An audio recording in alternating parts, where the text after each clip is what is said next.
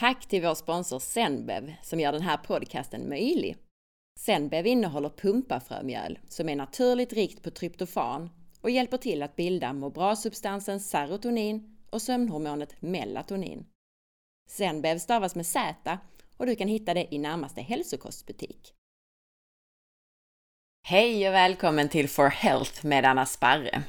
Idag ska vi prata hormoner och annat spännande med författaren och bloggaren bakom bland annat Hormonbibeln.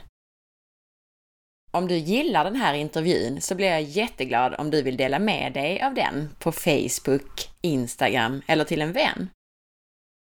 Ju mer du lyssnar, delar och recenserar, desto bättre går det att hålla podden levande med en massa gratis information och intressanta intervjupersoner.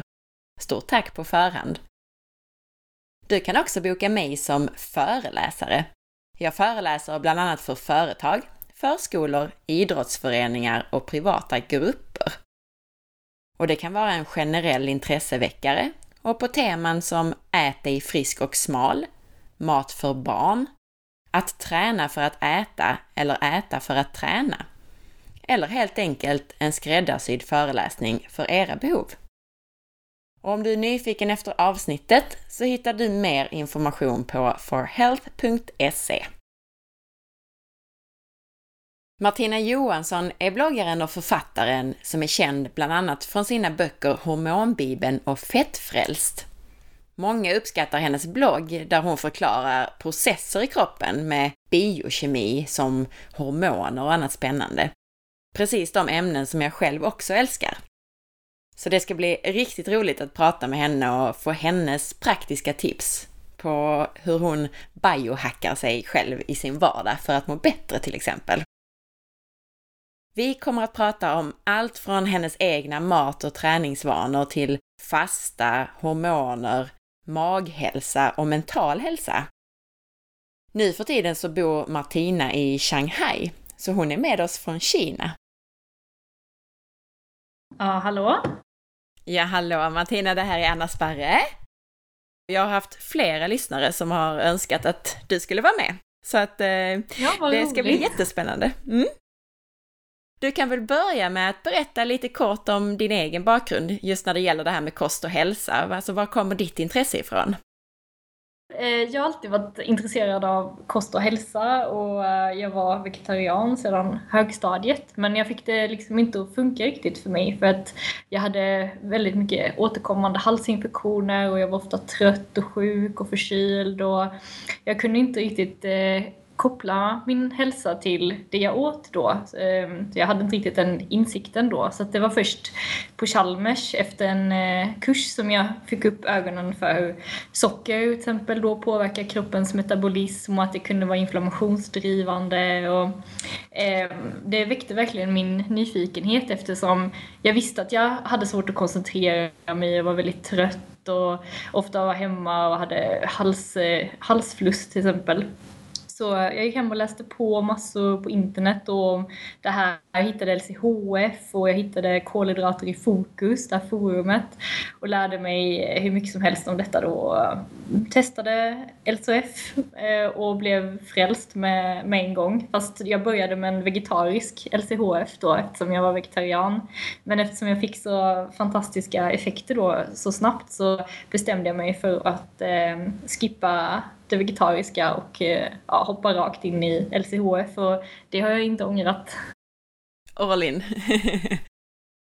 och du är utbildad biomedicinare då, eller du nämnde Chalmers? Eh, ja, jag är civilingenjör i eh, bioteknik och biomedicinsk teknik. Så att det är civilingenjör som är min grund. Okej. Om någon inte känner till vad det är, alltså bioteknik och biomedicin, vad, hur skulle du förklara på ett enkelt sätt vad det är för någonting? Jo, eh, vad bioteknik är, det är alltså eh, en utbildning som eh, kombinerar eh, det medicinska tänket med matte, kemi och fysik så att man, eh, man tillämpar alltså, tekniska lösningar på medicinska problem Finns det något exempel då, alltså på någon produkt eller någonting sånt där som är typisk här, bioteknik? Eh, hjärt och lungmaskinen tycker jag är en väldigt häftig produkt som är typiskt eh, gränslandet mellan ingenjör och eh, det här medicinska tänket. Ja, bra exempel. Jag tänkte vi rullar in lite på din mat, för du nämnde ju det här med LCHF och att du kör all in ja. nu så att säga, inte längre vegetarian. Vad, vad äter du på mm. en dag? Alltså vad har du ätit idag till exempel? Um, ja, alltså jag, äter, jag försöker ju äta så naturlig och ren mat som möjligt. Så att, uh, det är ju väldigt mycket kött, fisk, ägg, um, grönsaker. Det är väldigt enkelt. Det är, det är, nästan, det är så enkelt så det är nästan svårt att förklara hur man äter när folk frågar. För att, ja, som vad har jag ätit idag? Jag har ätit uh, stekt ägg till exempel, en omelett en sallad, lite stekt kött. Och det är så väldigt enkla saker. Vad äter du till frukost till exempel? Eller om du äter frukost förresten? Mm, till frukost så oftast så um, brukar jag kanske mixa ihop lite kaffe med lite kokosolja och lite smör till exempel. Kan vara en frukost för mig. Mm. Och eh, idag då, vad har du ätit eh, förutom eller om du nu har ätit menar jag, om du inte har fastat, för det vet jag att du också gör ibland. Men har du ätit ja. Eh, någonting till lunch idag och vad har du ätit i så fall? Mm, idag var det mm, en omelett med lite stekt kött. Så, men jag, det var inte jag som hade lagat det så jag vet inte. Jag, jag bor ju i Shanghai så man vet inte alltid vad man får på tallriken. Nej, Ja, precis. Nej, jag, jag, minns att jag var i Kina någon gång och så, man ska inte fråga vad man får för att då var det någon sån här friterad gristarm eller någonting sånt där som, mm. som är helt, alltså som är säkert är jättenyttigt men uh, ja, jag vet inte, jag ville hellre veta efteråt i så fall. Ja, Ska du äta någonting mer nu ikväll? vet du vad det blir i så fall? Eh, oj vad svårt alltså. Jag har, jag har jättesvårt att planera min mat så. Utan jag, går, jag är ju väldigt mycket för den här filosofin att man ska lyssna på kroppen och gå väldigt mycket på känslan när det kommer till maten. Så att eh, om jag är hungrig när jag kommer hem så kommer jag antagligen att eh, steka upp något kött eller någonting sånt, något väldigt enkelt. Och om jag inte är det så kommer jag antagligen att inte göra det. Så att eh, det är väldigt eh, spontant hela tiden det där med maten. Det är ingenting som jag tänker mycket på eller lägger så mycket energi på. Oftast så spenderar jag söndagarna till exempel med att göra matlådor för hela veckan så att ofta tar jag bara upp en låda ur frysen och det är samma sak i varje låda. Det är kött, fett och eh, grönsaker. Perfekt. Men har du förändrat din syn på mat och det sätt du äter på, om vi säger de senaste tre åren eller så? Mm, det har jag definitivt. För, att, för nu var det ett par år sedan som jag började med LCHF. Jag tror det var ja, fem år sedan nu. Eh, och eh, i takt med att jag har lärt mig mer och mer om hälsa så har synen på mat verkligen förändrats. Den har gått mer från att vara väldigt fokuserad på kolhydratinnehåll, att inte vilja äta några kolhydrater överhuvudtaget och dra ner dem till noll. Eh, och bara äta massa fett och massa eh, protein till exempel. Till att bli mer intresserad av till exempel eh, tarmfloran och käka bra mat för magen och till exempel eh, kanske testa mer paleolitisk inriktning och även fokusera mycket på att det ska vara antiinflammatoriskt och så nu när jag bor i Kina till exempel så är jag väldigt fokuserad på att maten ska vara ren, att den ska komma från bra källor. Så att eh, det förändras hela tiden i takt med att jag lär mig mer och mer. Intressant. Och jag tänkte vi ska komma till det här med tarmflora om en liten stund. Men eh, mm. jag tänkte vi ska börja, för du sa ju det att i början var du väldigt fokuserad på det här med högt fettinnehåll till exempel. Och mm. du, jag vet att du bloggar en del om ketos och ketoner och vi har haft ett eget avsnitt om det här. Men jag tänkte fråga dig lite om hur du använder dig av ketos och, och varför.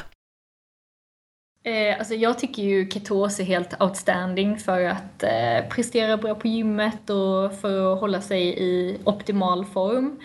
Och eh, i början när jag började utforska det här med ketos så då var det eh, ganska extremt med att det var mycket fastor, att jag åt ingenting på hela dagen och när jag väl åt så var det bara fett. Bara för att maxa ketonerna och få upp fettdriften och experimenterade väldigt mycket med det bara för att lära mig hur det funkar. Hur funkar min kropp liksom? Hur kan jag få den att bli helt och hållet fettdriven?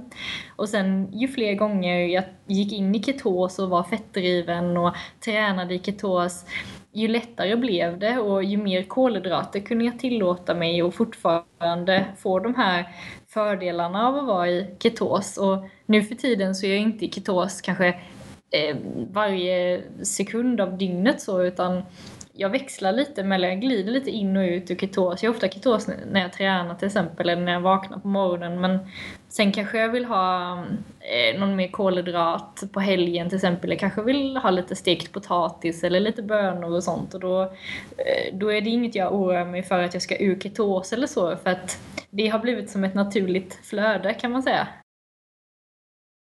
Mäter du om du är i ketos eller inte?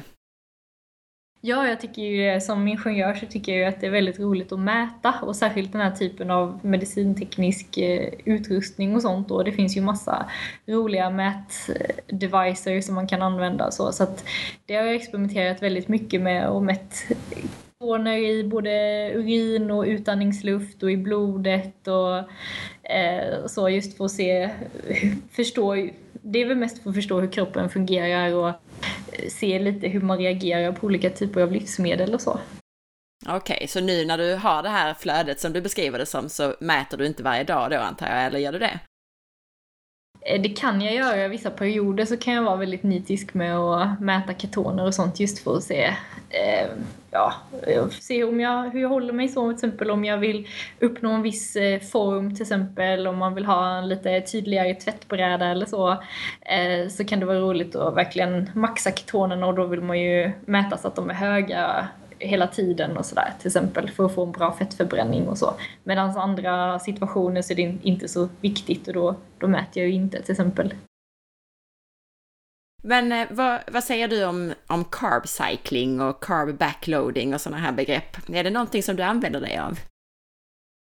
Eh, nej, jag har läst på ganska mycket om det och sånt och jag har även testat det själv men eh, jag tror inte riktigt på det konceptet för att eh, nu för tiden när vi, har, när vi är omringade av så fruktansvärt mycket eh, beroendeskapande mat och det är socker överallt och det är socker i allting så känns det som att många människor nästan letar efter en, efter en anledning att få proppa i sig socker och få frossa.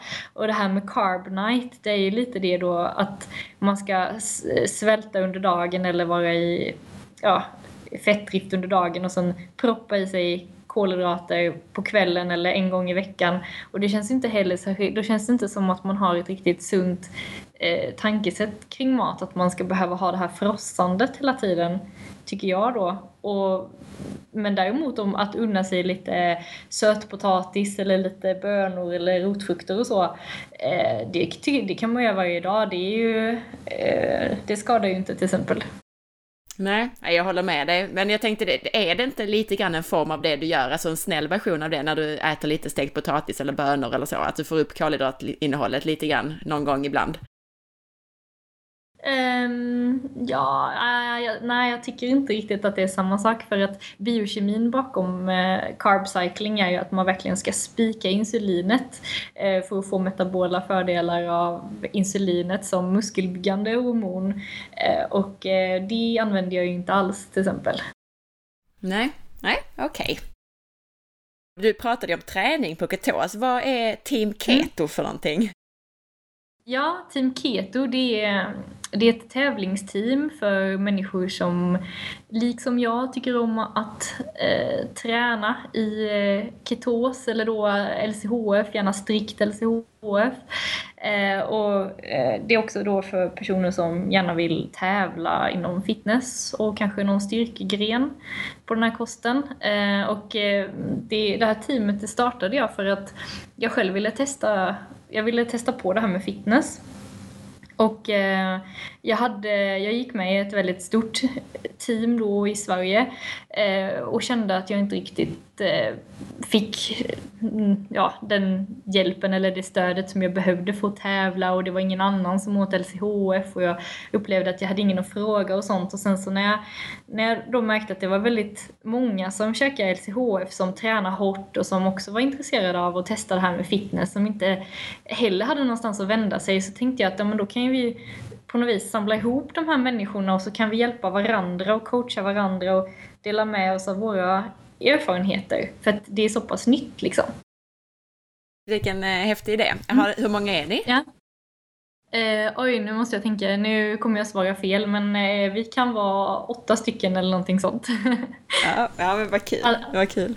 All, alla är inte aktiva samtidigt så eh, det har varit några stycken har tävlat, vad är det, tre eh, inklusive, exklusive mig som har varit uppe på en scen nu tror jag. Och, så att, eh, men det, det blir fler och fler så det är roligt. Det är ett växande intresse. Ja, men det förstår jag. Om någon av lyssnarna nu då vill börja producera ketoner på snabbast möjliga sätt, hur gör de då? Oj, snabbast möjliga sätt att vinna på de här extrema metoderna igen, men det är egentligen ingen fara för vill man ha extrema resultat så är det ju extrema metoder som gäller. Så att, eh, då hade väl jag kört på eh, fasta, en riktigt lång fasta, där man är riktigt hungrig och kanske till och med träna fastande, gärna något eh, kanske någon typ av eh, intervallträning eller konditionsträning så att man verkligen tömmer glykogenlagret. Och sen så då när man är riktigt hungrig och kommer hem och man känner att det är dags att äta eh, så kör man på eh, eh riktigt högt eh, fettinnehåll. Men inga mejerier utan man försöker köra på kanske då kokosolja, smör, stekta ägg, bacon och den typen av mat. Och så upprepar man det här i några dagar och eh, in, inom tre till fem dagar så skulle jag säga att man är i någon form av ketos i alla fall. Mm, bra. Och ja. nu kom vi ju in på det här med fasta. Vad är egentligen fördelarna med fasta då? Förutom att man eh, kan komma in i ketos. Beskriv till exempel vad som händer rent hormonellt med fasta.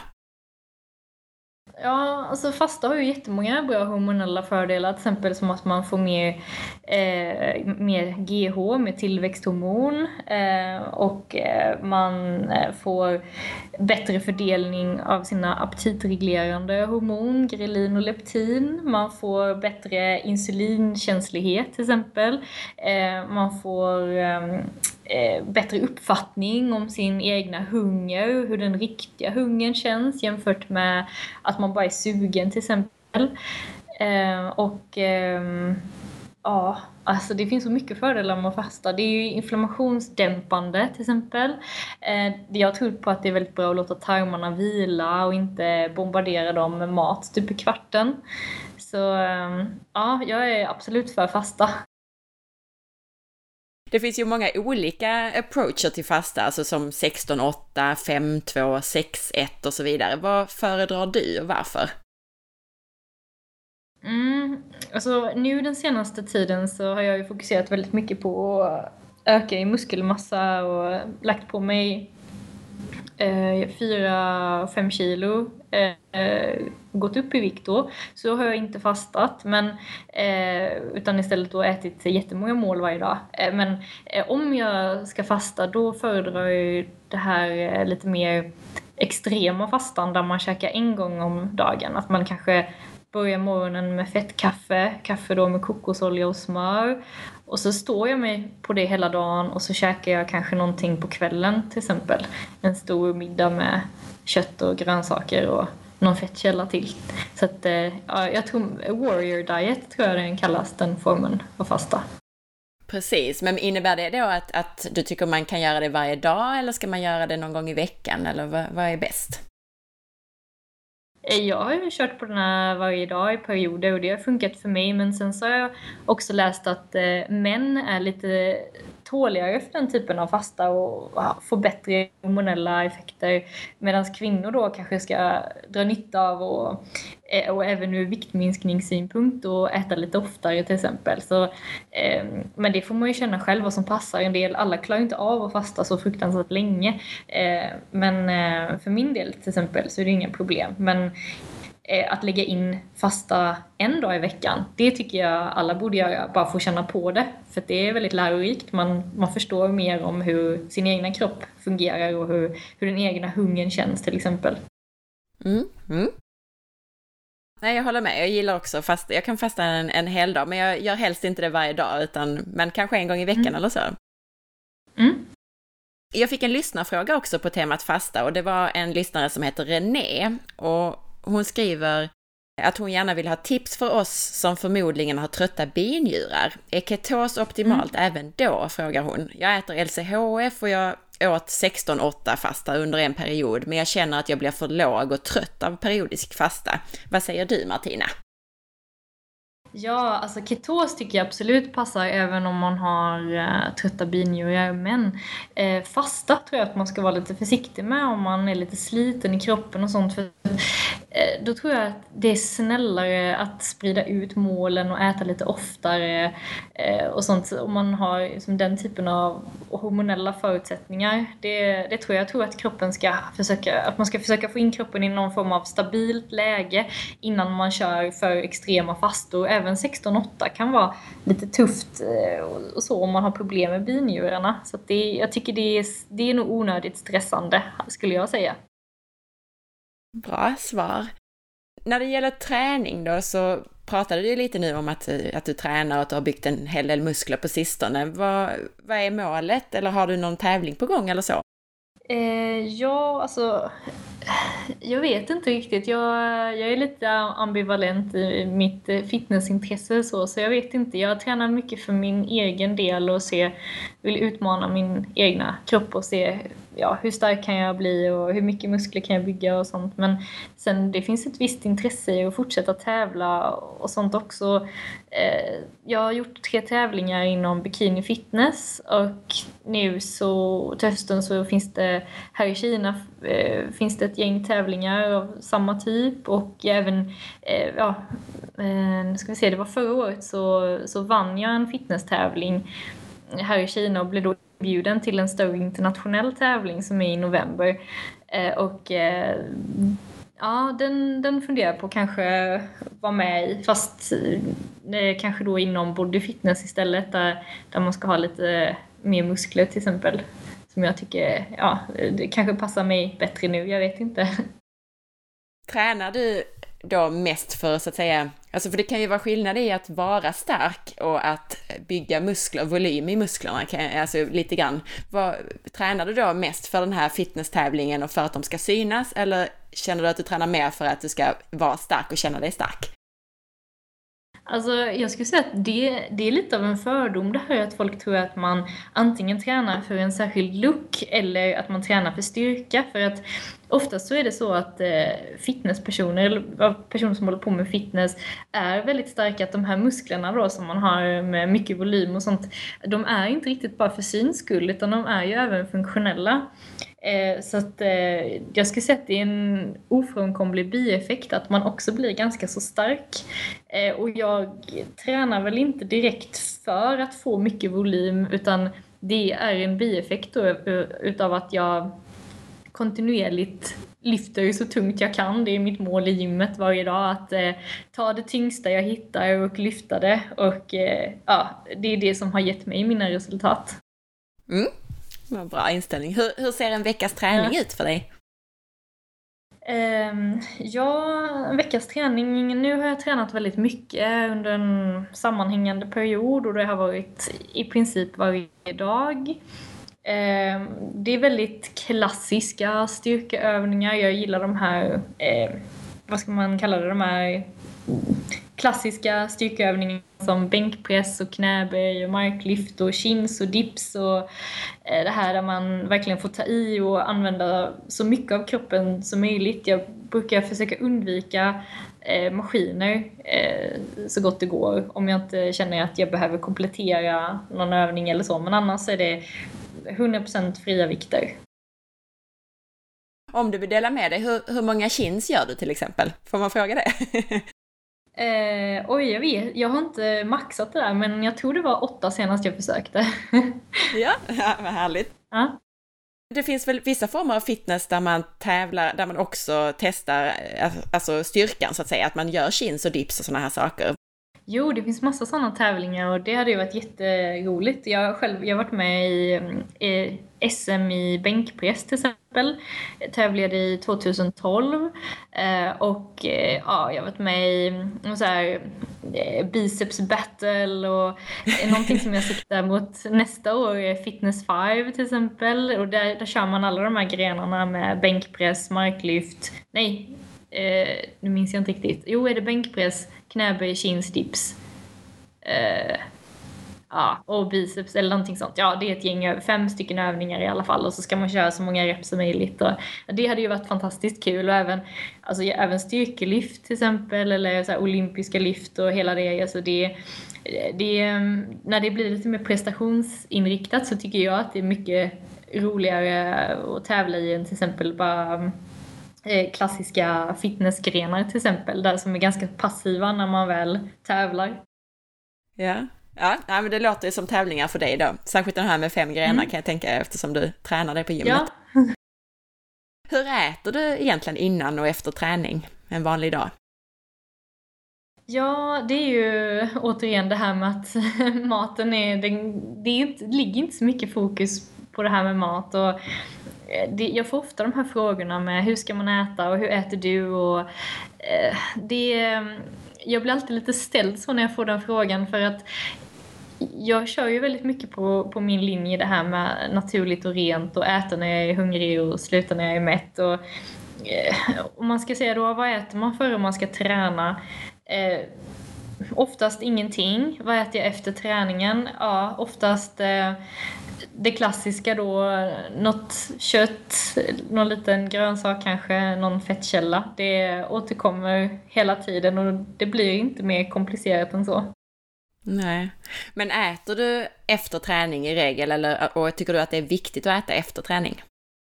Nej, det tycker jag inte. Jag tycker absolut inte att det spelar någon roll om man äter före eller efter eller inte alls. För att så länge man lyssnar på kroppen och känner att eh, den behöver energi och man då fyller på med energi och det känns bra. Eh, eller om man känner att, eh, ofta så känner, kan man känna efter att man har tränat hårt och intensivt att man inte alls är hungrig för att, och då, då tycker jag då kan man låta de hormonella processerna ha sin gång i kroppen och så kan man äta lite senare till exempel. Det är ingenting som kommer störa alltså, eh, muskelbyggnaden eller så. Men när det gäller träning och kanske särskilt gymmande då, vad är de vanligaste felen som folk gör enligt dig? Ja, när det kommer till träning så tycker jag att det absolut vanligaste felet som folk gör eh, är att inte våga ta i ordentligt. Inte våga utmana sig själva ordentligt. Utan man, de är lite för försiktiga och eh, vågar inte riktigt pressa sig. Och, eh, och det tror jag är viktigt. Om man verkligen vill ha resultat så måste man förstå att de kommer inte komma gratis. Det kommer göra ont, det kommer vara jobbigt och det kommer bli väldigt svettigt. Så det måste man vara beredd på och verkligen våga pressa sig själv. Mycket mer än vad man har gjort tidigare. Bra tips. Men jag tänkte, en del tjejer är så här att, lite rädda för att de ska bli för stora, alltså att musklerna ska bli för stora. De vill hellre vara slanka men ändå definierade och vältränade. Hur kan mm. de lägga upp sin träning då? Ska de ändå ta i för kung och fosterland så att säga? Ja, alltså om man, om man tittar på till exempel då riktigt, riktigt slanka, smala tjejer som tävlar i till exempel bikini fitness. Eh, då ska man ju veta när man ser de här tjejerna att de står i knäböjen med 120 kilo på axlarna och gör sina reps och har en helt otrolig styrka oftast. Så eh, de här, alltså tung träning för kvinnor kommer inte bygga särskilt mycket volym eh, utan det bygger styrka och det bygger att eh, alltså, kroppen blir fast, den blir tight eh, och man får en väldigt hög power to weight ratio. Man kan bli väldigt, väldigt stark som tjej i förhållande till sin vikt. Eh, så att, att bli stor eller bulkig eller bullig eh, jag skulle säga att det är väldigt, väldigt svårt som tjej, även om man försöker. Jag har försökt med det i flera år och jag har inte lyckats än. Och även, jag har försökt äta hur mycket som helst, träna tungt, men jag blir inte större. Och det är många som håller på med fitness som kommer till den, till den insikten när man släpper spärrarna med hur mycket man kan äta och hur mycket man kan träna. Att man ser att nej, som tjej så det går ju inte. Man, man blir tajtare och mindre snarare än större. mm. Du kallar dig själv för biohacker eller biohacker. Vad menar du med det? Eh, ja, alltså med, med biohacker så menar jag att eh, jag är som en, eh, en hacker, som en datahacker fast med min egna biologi. Att jag tycker om att experimentera med eh, min egna biokemi och optimera min kropp och hälsa. Vad är dina bästa eller viktigaste biohacker-knep som du använder dig av till vardags? Åh, det är jättemånga. Alltså jag, är, jag är ju helt insnöad på det här med biohacking så att, eh, det är ju någonting som är genomgående genom hela min vardag. Alltså det är allt från att jag tar på mig mina eh, röda glasögon på kvällen för att få maximal melatoninutsöndring så att jag ska få jättebra sömn till exempel. Eh, eller att jag börjar morgonen med eh, ja, 800 milligram magnesiumoxid till exempel för att ja, hålla mig lugn och stabil under hela dagen. Eller att jag börjar dagen med mitt fettkaffe till exempel för ökad eh, fokus och energi och så att jag ska hålla mig mätt åtminstone fram till lunch och kunna eh, ja, jobba och sitta på kontoret utan att vara störd av eh, hunger eller ja, eh, att någonting bryter mitt fokus. Så alltså det, ja, det, är, det är så många olika såna här delar i biohacking så det är svårt att nästan särskilja vad som är vad i det. Jag förstår, men eh, vad intressant det här med att ta magnesiumoxid på morgonen. Alltså många tar ju magnesium i någon form till kvällen mm. för att sova bättre, men du tar det alltså på mm. morgonen istället? Ja, jag börjar dagen med det. För jag tycker att det är fantastiskt mot om man till exempel om man, har, om man eh, är mycket uppe i varv, man kanske jobbar mycket, stressar mycket så tycker jag att eh, magnesium är klockrent för att eh, få lite stabilare humör och hålla sig lite lugnare och lite så skarpare under dagen. Varför tar du det just i formen magnesiumoxid? Jag brukar alltid rekommendera en annan form av magnesium nämligen, så jag är nyfiken. Ja, eh, jag vet magnesiumoxiden har lite dåligt rykte så. Det sägs att den har väldigt låg biotillgänglighet. Men eh, jag, jag har testat mig fram.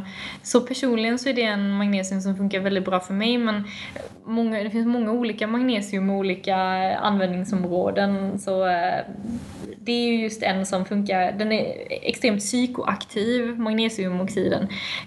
Så den fungerar just, den är otroligt lugnande och det, det tycker jag är bra till exempel. Men sen finns det ju magnesiummalat till exempel som min man äter som är extremt uppiggande. Eh, så man blir mer igång och mer uppe i varv varv. Mm mm. Mm. Och du nämnde ju där, med, många är intresserade av hur man får en bättre sömn och du nämnde de här röda glasögonen som filtrerar bort det blåa ljuset. Men eh, har du några andra mm. sådana här eh, hackerknep för att sova bra? Eh, ja, alltså, som magnesiumen som du nämnde där, det finns ju massa olika magnesiumtyper för, som man kan ta på kvällen just för att sova bättre. Eh, zink är också ett tillskott som man kan ta på kvällen för att sova bättre. Eh, oh, vad har vi mer? Eh, det står lite still där nu just för sömnen, så jag jag det var ändå flera, flera tips, både magnesium, ja. zink och glasögonen då. Ja. Det tycker jag kan räcka. Ja, vad är ditt senaste biohacking-experiment eh, eller resultat kanske? Mm, Det skulle kunna vara mitt eh, is, eh, eller mitt kallduschande. Jag har, eller det har jag hållit på med ett tag. Att, att jag, det kan jag också bra tips för bättre sömn just att eh, och duscha så kallt det bara går eller att lägga sig i badkaret och bada så kallt man bara kan. Det är otroligt bra för förbränningen och det är också väldigt lugnande, man blir lugn och fokuserad och det är också hormonellt väldigt bra, ökar testo och mer tillväxthormon. Väldigt bra för fettförbränningen också. Perfekt, bra tips. Det var intressant att du sa att man skulle göra det just på kvällen då också om man eh, vill sova bättre. Därför att en del känner till det här med kyla men det är nog inte så många som känner till det. Du skriver just nu på en bok om sockerberoende, stämmer det? Ja, både socker och matberoende, som heter Beroendehjärnan. Om du vill förklara vilka huvudsakliga mekanismer som ligger bakom ett beroende, alltså med signalsubstanser och receptorer i hjärnan till exempel. Hur funkar det? Oj, det är, det är själva, eh, vad ska man säga, det är själva eh, Eh, ämnet för boken och det är otroligt omfattande med vilka mekanismer som ligger bakom beroende för att eh, jag, jag trodde själv när jag, när jag började med min research kring beroende och framförallt sockerberoende att, att det var Eh, dopaminet till exempel, eh, belöningshormonet som låg i, i fokus eftersom det är det alla pratar om, att man har en dopaminstörning till exempel och därför blir, har lättare för att bli beroende. Men ju mer jag började gräva i det här så, så kunde jag fläta ihop alla signalsubstanser till olika grenar av beroende, att man har olika Eh, eh, brister eller överskott på olika typer av signalsubstanser och även hormoner ute i kroppen, alltså allt från tarmhormoner till neurohormoner och då kommer föredra olika typer av droger till exempel. Och, ja, så att det är så extremt komplext verkligen. Och Ja, det är både på fysiologisk nivå, biologisk och kemisk och eh, psykologisk så det är så otroligt omfattande. Så det har varit eh, Ja, det har varit verkligen utmanande att skriva den här boken. Väldigt svettigt har det varit. Så därför så jag. jag fortfarande, jag har fortfarande svårt att förklara riktigt det här med beroende även fast jag nu, jag är i slutfasen av skrivandet nu och eh, Eh, ja, eh, jag, jag tror man får läsa boken och se om man förstår någonting av det. Ja. ja, det tror jag. Ja. Om det kommer komma en hel bok på, på just den frågan så är det nog bättre att, eh, att alla lyssnare läser, läser boken. Ja. ja. Men, men om vi säger så här då, vilken mat är mest beroendeframkallande? Mm. Oh, det, det är faktiskt en jättebra fråga för att det är någonting som jag har funderat över nu de senaste veckorna, exakt den frågan. Vilken mat är egentligen mest beroendeframkallande? Och egentligen det första man vill säga är ju socker.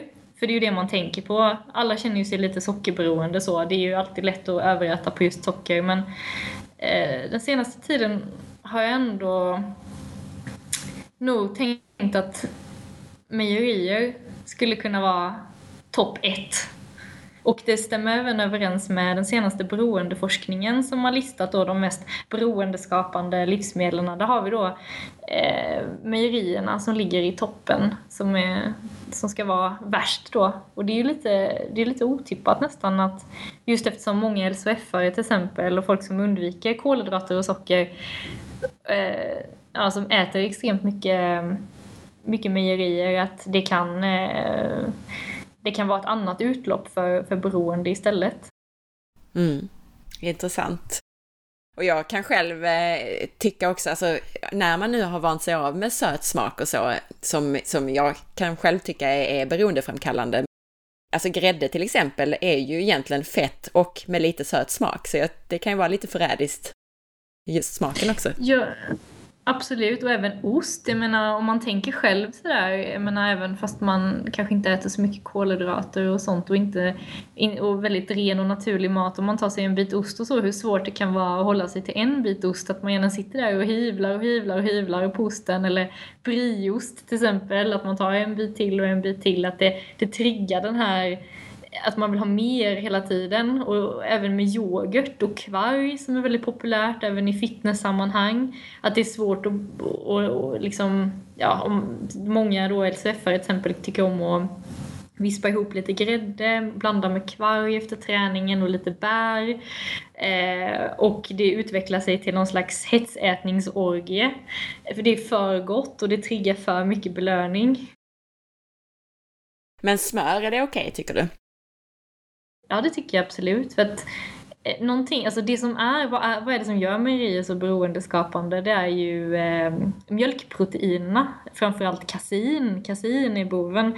Och eh, om man tittar på smör då så innehåller ju det extremt lite, eh, nästan inget då mjölkprotein utan nästan bara mjölkfett.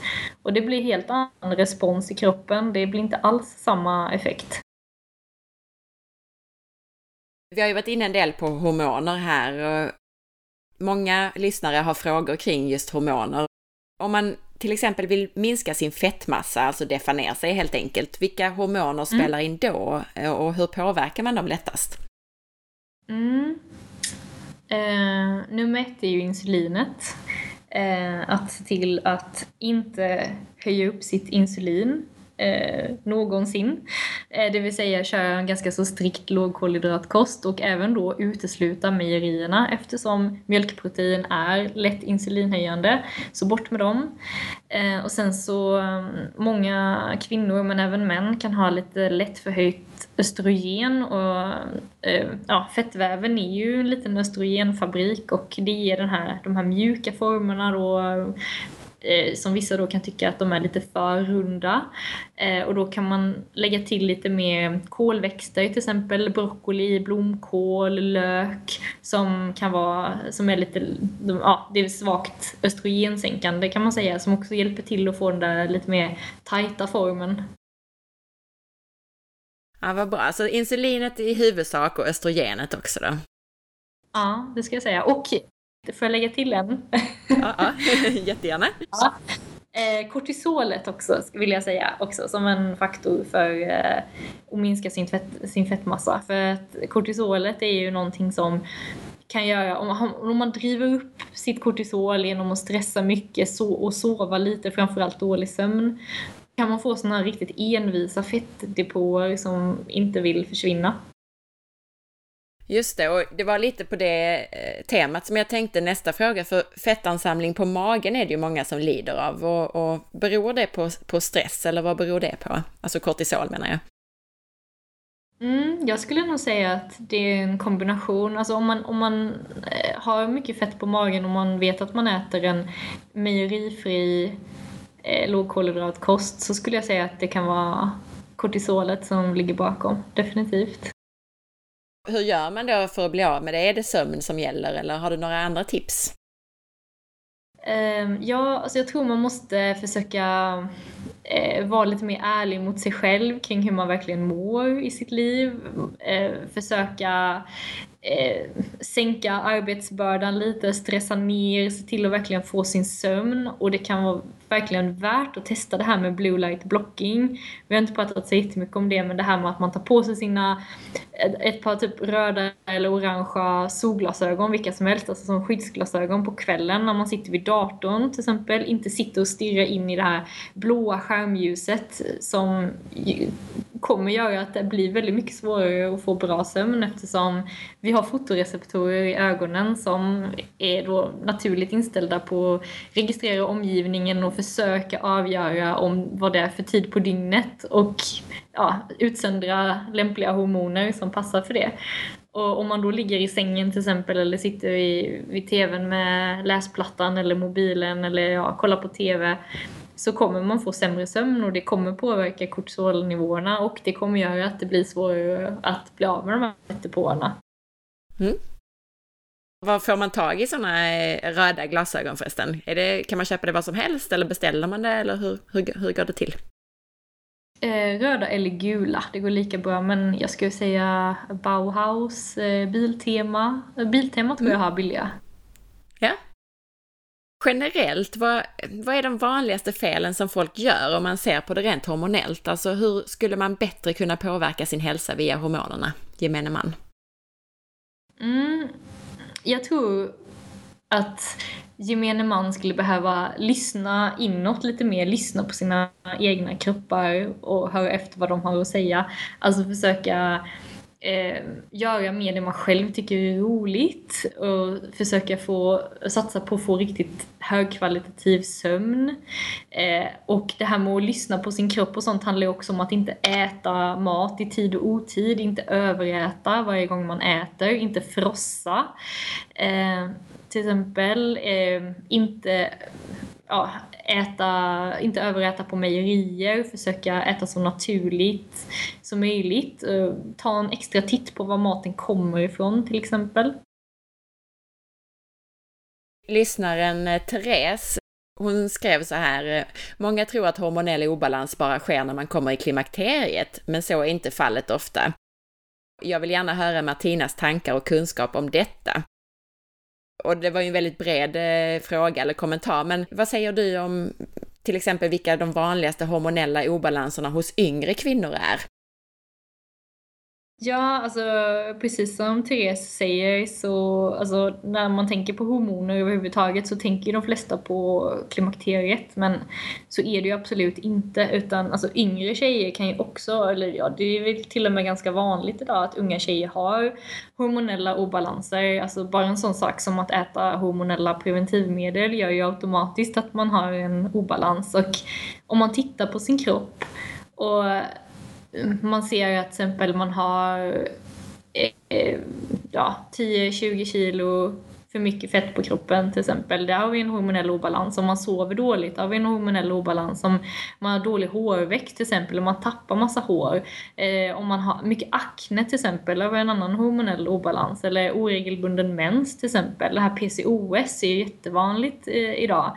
Att eh, in, infertilitet till exempel eller obalanser bland könshormonerna. Tjejer som har för mycket testosteron till exempel. Och, eh, så att eh, det, det finns ju det är ju så otroligt vanligt idag just på grund av att kosten har blivit så mer och mer och mer onaturlig så att våra kroppar vet inte riktigt hur de ska ställa in sig längre. Nej, precis. Och en del, det lät ju som att en del av de sakerna du sa är insulinrelaterade, men hur gör man? Du nämnde också för mycket testosteron. Vad gör man åt det?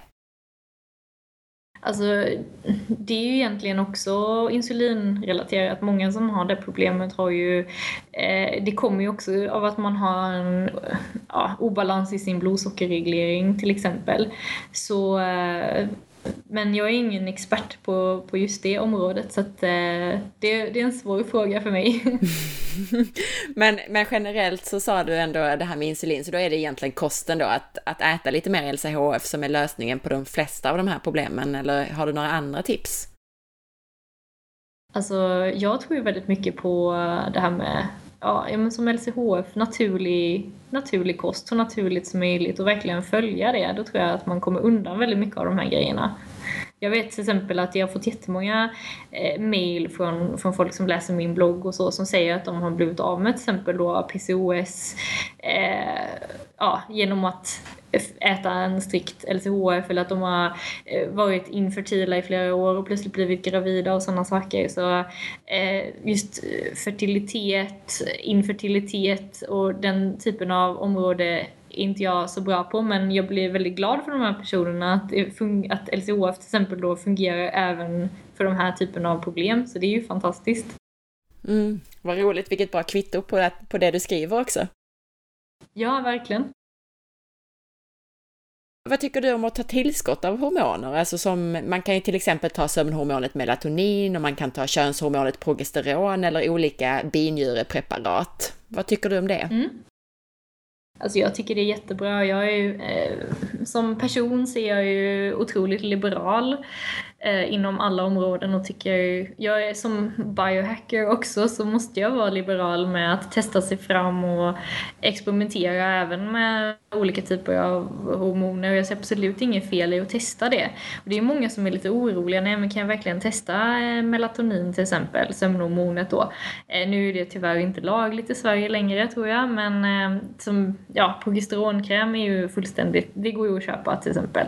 Eller binjurepreparaten och så. Och det är ju inte farligt att testa de här sakerna och se vad som händer. Om man misstänker själv att man har någon typ av obalans och testar, menar, ja, det, det, preparaten är så pass svaga att man kommer kunna genomföra de här experimenten på sig själv och se eh, åt vilket håll man ligger till exempel om man mår bättre eller om man mår sämre och kunna dra egna slutsatser. Och jag tror det är ganska viktigt i det här med att lära känna sin kropp och sånt. Mm, kan det inte bli så att receptorerna nedregleras efter ett tag om man tar ett hormon externt på det sättet? Om du förstår vad jag menar? Jo, absolut, men inte med sådana här svaga preparat som till exempel en progesteronkräm. Det är absolut inte, det är helt riskfritt skulle jag säga. Ytterligare en bok av dig heter Magstarkt och handlar om tarmflora och ett ämne som jag bland annat har pratat om en del i tidigare avsnitt och du kom in på det här lite i början. Ja. Det har ju kommit, ja. är det ett favoritämne? Eh, nej, nu är jag så insnöad på beroende så, eh, men jag, ja, absolut. Tarmflora, det är jätteroligt. Det har ju kommit en massa ny forskning på temat tarmflora de senaste åren och vad är de viktigaste insikterna om tarmfloran enligt dig? Och det skulle jag säga är det här att eh, hur, hur tarmfloran eh, styr vårt nervsystem och tarmflorans påverkan på hjärnan och på vårt beteende. Och även eh, det faktum att olika personer har, alltså hur olika människors tarmflora påverkar alltså allt från personligheten till vad man har för kroppskomposition. Till exempel att alkoholister har en annan eh, tarmflora och eh, matberoende, sockerberoende har en annan tarmflora. Personer så, med kraftig övervikt har en annan tarmflora än smala. Och att man nu då i till exempel i Holland har börjat med eh, tarmflora eh, transplantationer till exempel då. Där om man då som överviktig kan få en smal persons tarmflora eller om man har svår IBS till exempel kan få en frisk persons tarmflora. Och det tycker jag är helt fantastiskt.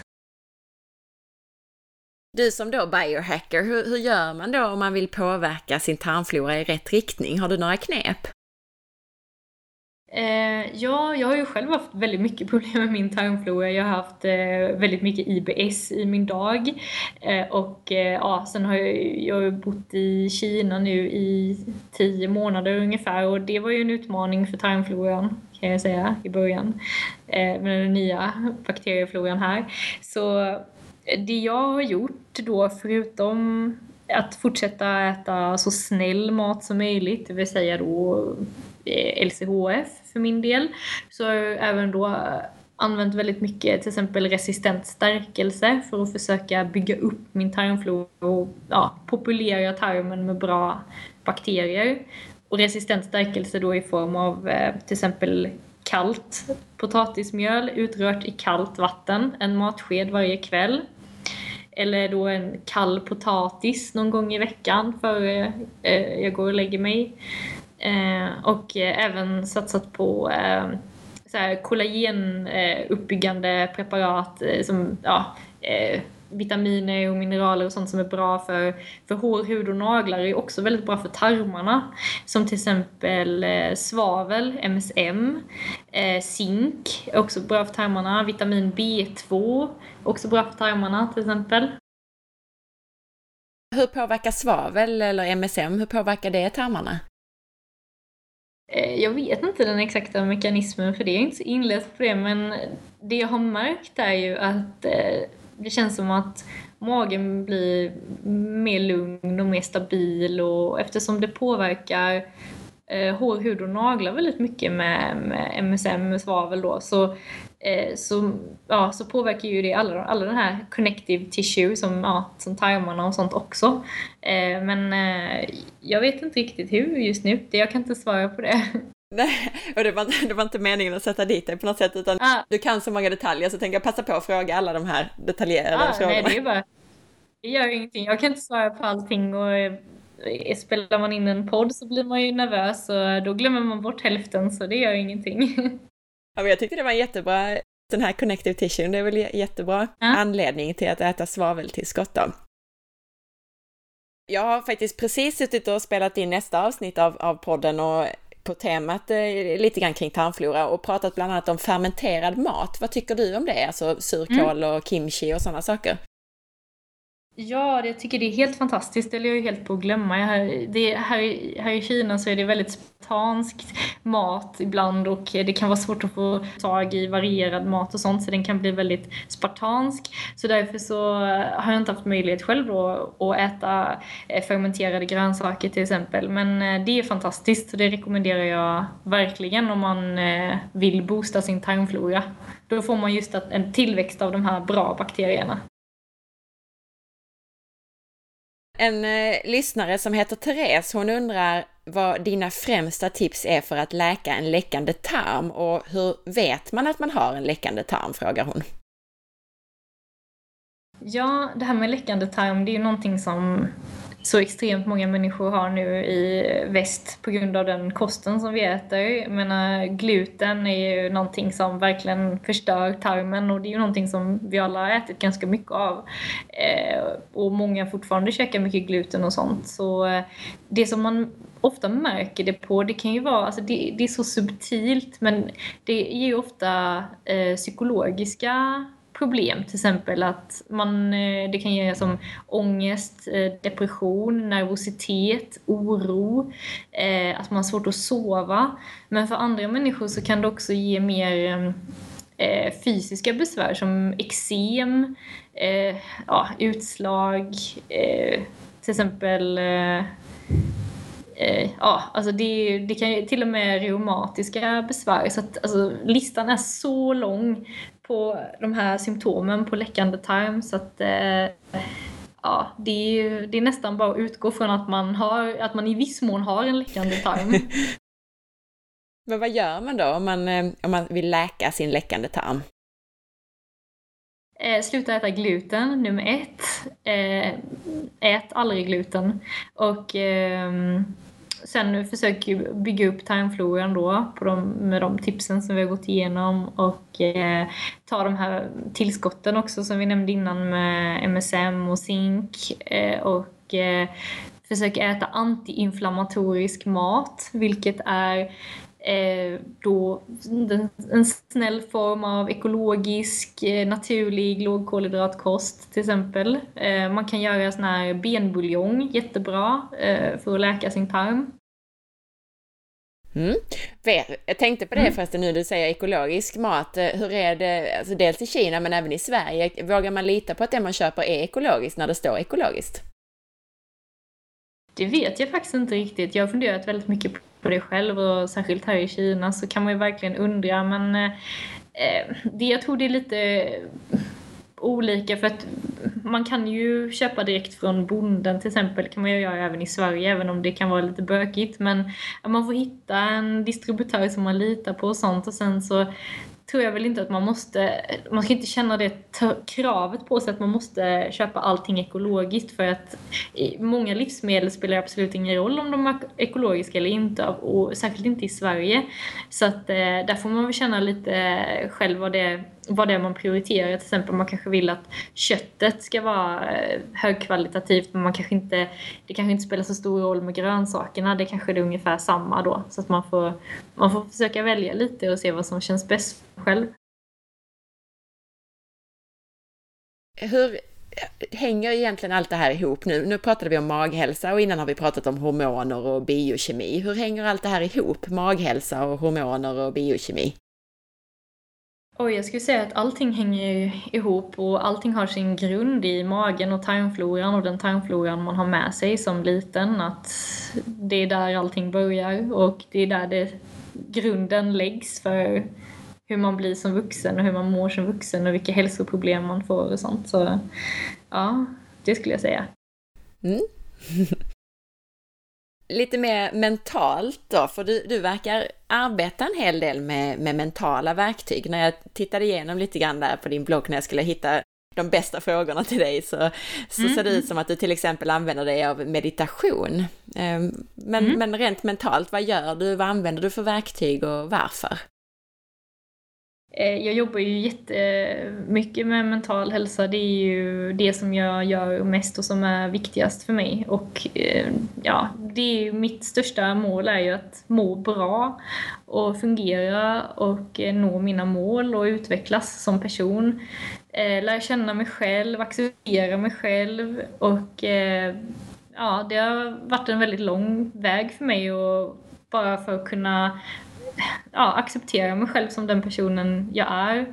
Och det är många som inte vet det eller förstår det, hur det kan kännas då, inte känna som att man passar in till exempel och känna sig annorlunda eller utanför och hela tiden leta efter sig själv någon annanstans.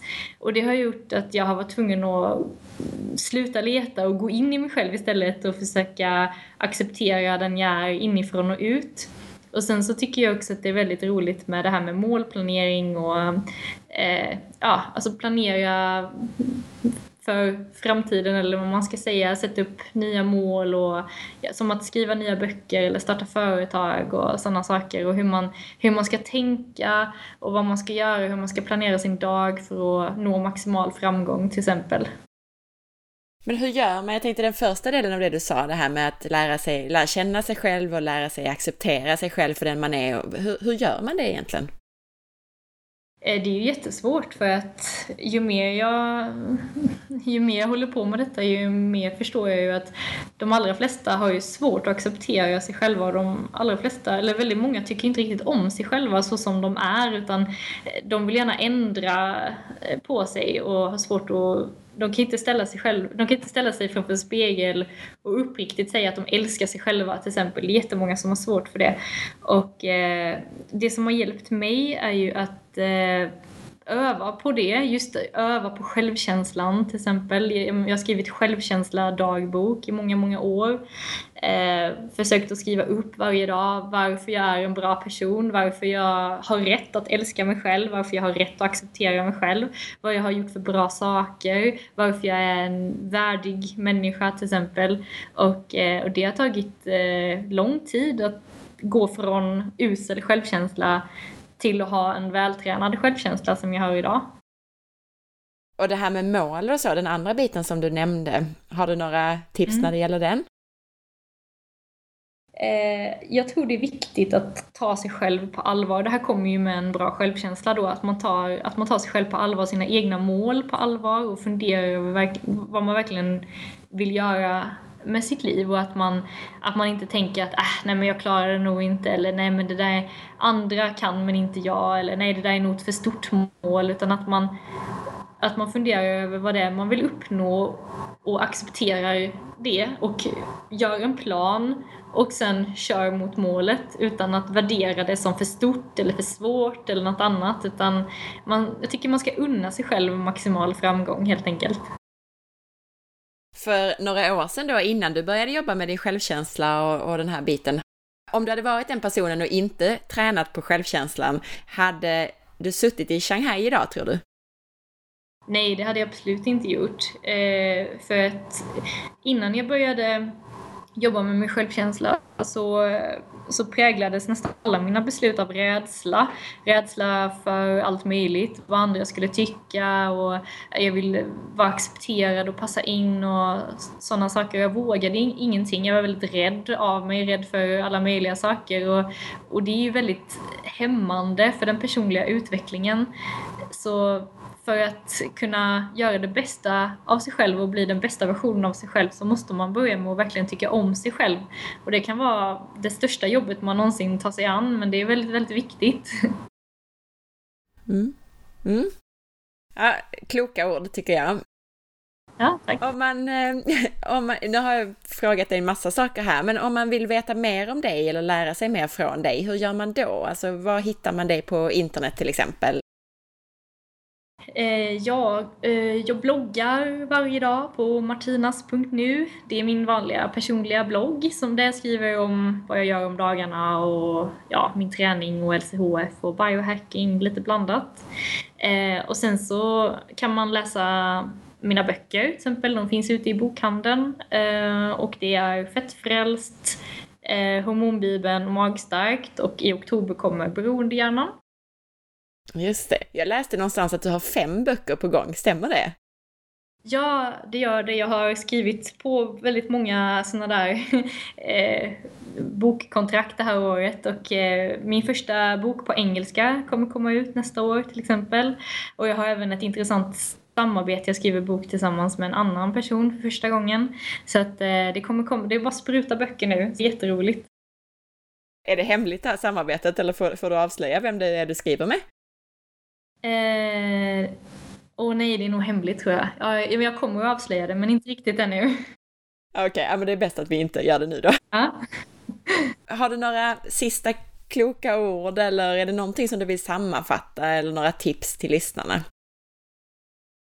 Oj, och det är nu man ska säga något sånt där jättesmart och genomtänkt som man har planerat sina tre bästa tips eller så och det har ju aldrig jag. Eh, så att, eh, åh, nej, jag tycker det är viktigt och en viktig sak som jag kan säga då, det är ju att det är viktigt att eh, lyssna på sin egna kropp och lita på sin kropps signaler om man vill nå maximal framgång när det kommer till den fysiska hälsan. Det tycker jag är viktigt. Då ska jag bara säga tack snälla för att du tog dig tid att vara med. Det var jättebra och väldigt konkreta och tydliga svar, så jag tror att det kommer uppskattas ja. jättemycket. Ja, vad roligt. Det var jätteroligt att vara med. Tack för att du lyssnade! Jag hoppas att du gillade intervjun. Om du gillade podcasten så glöm inte att dela med dig. Missa inte heller att följa med på facebook.com forhealth.se och på Instagram under signaturen asparre. Gå gärna in i iTunes och lämna betyg och recension. Och titta gärna in på bloggen på forhealth.se. Ha en härlig dag så hörs vi snart igen!